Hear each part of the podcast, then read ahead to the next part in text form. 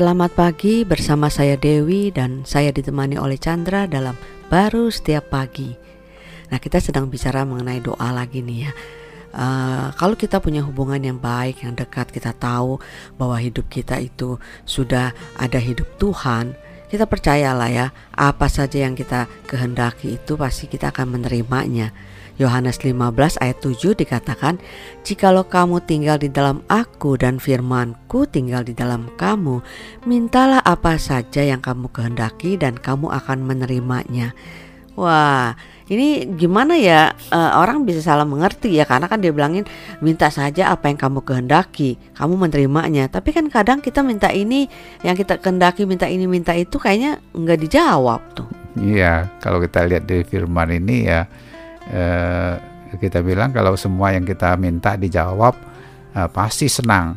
Betul. Belum tentu ya kan tapi yang diberikan oleh Tuhan itu udah pasti senang hmm. melampaui nah, sebenarnya sih ya uh, dibilang kamu tinggal di dalam saya saya tinggal di dalam kamu itu kan satu kesatuan yang nggak terpisahkan lagi kan hmm. nah itu yang dilakukan oleh Kristus ya bagi hidup kita ya kan bahwa dia tinggal di dalam hidup kita dan kita ada di dalam Dia.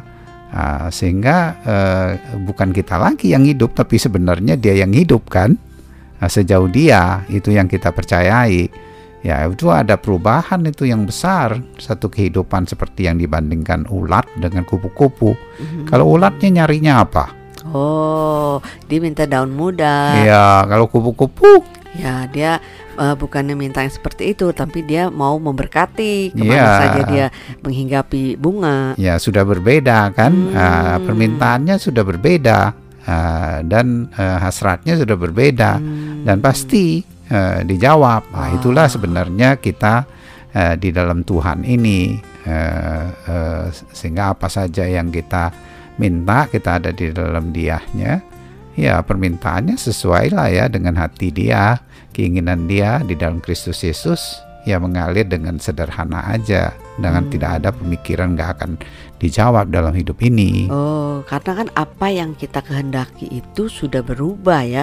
Keinginan kita, kehendak kita uh, itu bukan lagi sesuatu yang uh, membuat kita itu e, boleh apa enggak ini kehendaknya saya atau kehendak Tuhan gitu kan. Tetapi Tuhan sendiri yang memberi kehendak ya sehingga kita nggak mungkin itu nggak menerimanya dalam setiap kali kita berdoa ya nggak gitu nggak? Iya kalau bagi saya sih ayat ini sangat membantu ya dalam menikmati uh, besarnya pemberian Tuhan dalam hidup ini dan setiap hari uh, tanpa harus ngotot-ngotot. Mana ya uh, yang saya minta kok belum dapat dapat ya? Kapan ya dapatnya ya?